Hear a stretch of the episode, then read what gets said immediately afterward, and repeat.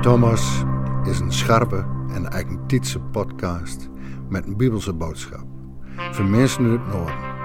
In de Stiefke Tierke kreeg van Domi PK een derde weekse podcast mini-preek met goede muziek.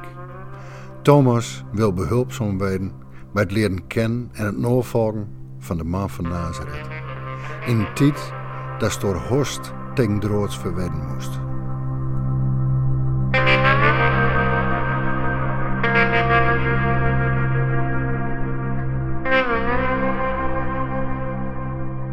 Niet reanimeren.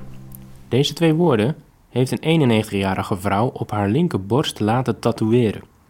Het is voor haar belangrijk dat haar leven niet wordt verlengd met kunstgrepen. Als je dat op je lijf vastlegt, moet iedereen dat serieus nemen. Want niet iedereen wil gereanimeerd worden bij een hartstilstand. Met een niet-reanimeren penning, verklaring of tatoeage maak je deze wens kenbaar. En wanneer je deze wens ook bekend maakt en uitlegt aan familie, vrienden, buren en je huisarts, is de kans dat die wens bij een hartstilstand wordt gerespecteerd ook het grootst. Misschien denk je dat dit scenario voor jou nog wel een paar jaar op zich laat wachten, maar niets is minder waar. Want in deze podcast sta je stil bij een bijzondere geestelijke reanimatie door harttransplantatie. Het is een ongevraagde, maar noodzakelijke reanimatie die God jou wil geven. Door het harde hart van mensen te vervangen door een nieuw hart wil Hij een gezond en goed leven geven.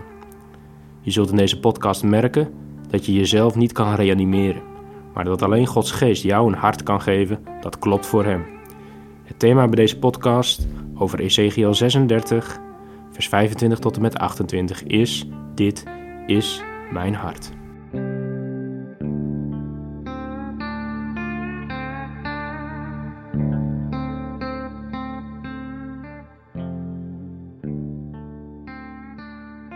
Ik zal zuiver water over jou heen gooien, om jou zuiver te maken van al wat onrein is, van al jouw drekgoden.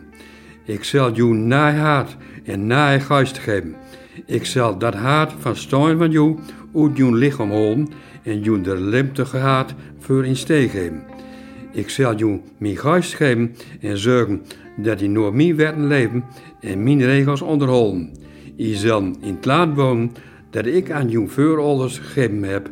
Je zal mijn volk wezen en ik jouw God.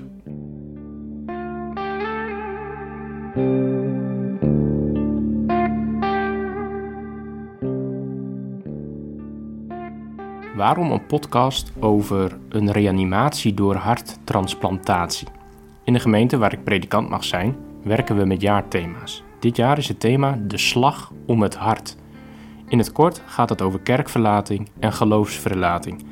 Met daaronder de overtuiging dat die slag niet alleen bij kerkverlaters speelt, maar net zo goed bij iedere gelovige in de kerk.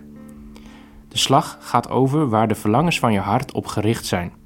Wil je de verlangens van je hart alleen in het hier en nu vervuld zien, of zoek je die vervulling ook bij God? Verlangens bepalen namelijk, vaak onbewust, voor een groot deel wie je bent, wat je doet en waar je op gericht bent. In een boekje over dit thema, Shoppen met Advent, las ik over een predikant die vertelde dat hij na afloop van een adventsdienst bij de koffie vooral gespreksflarden opving over vakanties, de verbouwing van het huis, het aanstaande kerstdiner en de cadeaus die nog gekocht moesten worden.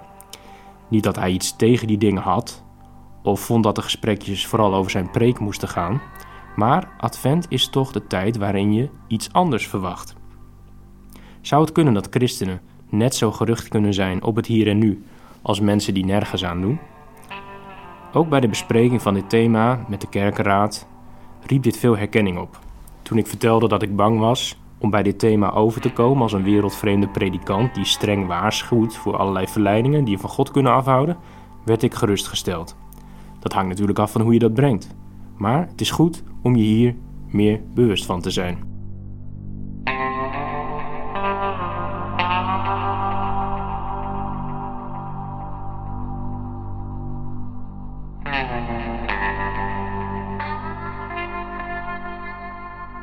In de tekst uit Ezekiel wordt duidelijk dat je de slag om het hart alleen kunt winnen met hulp van God. Hij laat door Ezekiel weten dat hij je door zijn geest wil reanimeren door harttransplantatie. Hij geeft jou zelf een nieuw hart dat klopt voor hem. Ezekiel zelf was bij zijn roeping een jonge profeet, een dertiger uit een priesterfamilie. Hij woonde samen met zijn vrouw in een huis in Tel Aviv met uitzicht op het Kebar-kanaal. Hij was een van de ballingen uit de welgestelde kringen die door Nebukadnessar bij zijn eerste belegering van Jeruzalem was meegevoerd. Ezekiel had samen met andere ballingen best veel vrijheid, maar hij heeft daar weinig van kunnen genieten. Zo wist hij van tevoren dat niemand naar zijn boodschap zou luisteren. En moest hij van God zijn boodschap op extreme manieren uitbeelden, een soort straattheater. Zo kreeg hij de opdracht om 390 dagen op zijn linkerzij te liggen en 40 dagen op zijn rechter. Allemaal om de belegering van Jeruzalem te verbeelden. Dat was in het begin zijn roeping. De ballingen waarschuwen voor de ondergang van Jeruzalem en dat ze niet snel zouden terugkeren. Pas na de ondergang van de stad Jeruzalem mag hij op pad met een hoopvolle boodschap.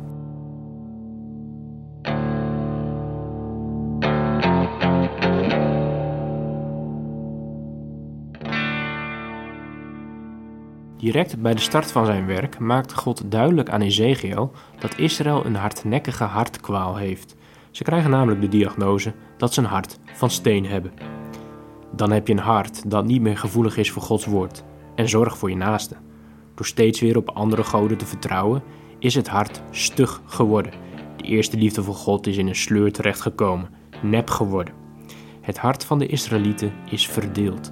Ze koesteren afgoden met zorg en liefde in hun hart en verzetten zich zo tegen God. In het boek Ezekiel kan je lezen over meerdere pogingen van God om Israël te laten werken aan een hart dat klopt voor hem. Vernieuw je hart en geest, zegt Ezekiel dan. Breken met het kwaad is niet genoeg, je moet ook een innerlijke omkeer maken. Je moet het diep van binnen ook echt gaan willen en ernaar verlangen. Maar het lukt ze gewoon niet om die herkenbare innerlijke worsteling te winnen. Ze hebben het vast geprobeerd met de beste bedoelingen. Daarom zie je na een tijdje dat er een omslag plaatsvindt in de boodschap van Ezekiel. Het komt erop neer dat God zelf opkomt voor zijn heilige naam. Hij is het gewoon zat dat de volken rondom Israël hun respect voor hem totaal zijn verloren door de ontrouw van zijn volk. Door de overwinning van de ballingschap zijn ze zelfs gaan denken dat hun goden sterker zijn. Daarom besluit God zelf zijn volk te reanimeren door harttransplantatie. Hij geeft hen zelf een nieuw hart en een nieuwe geest. Hij maakt het harde hart zacht, kwetsbaar en ontvankelijk, zodat het weer vol is van zijn heilige naam.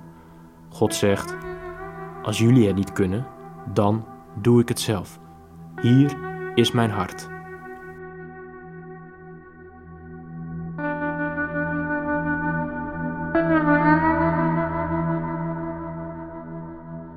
Vandaag luisteren christenen naar deze profetie vanuit Christus die heeft gezegd: De schriften getuigen van mij.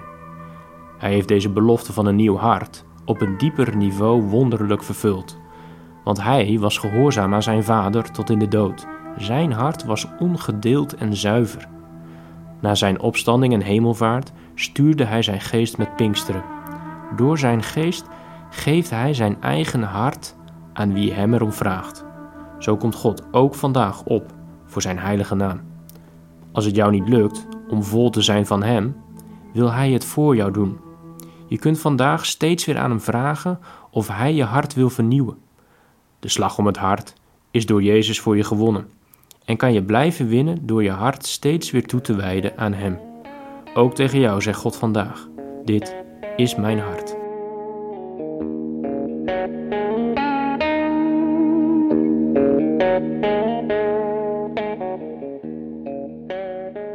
Maar kunnen jij en ik echt niet zelf iets doen?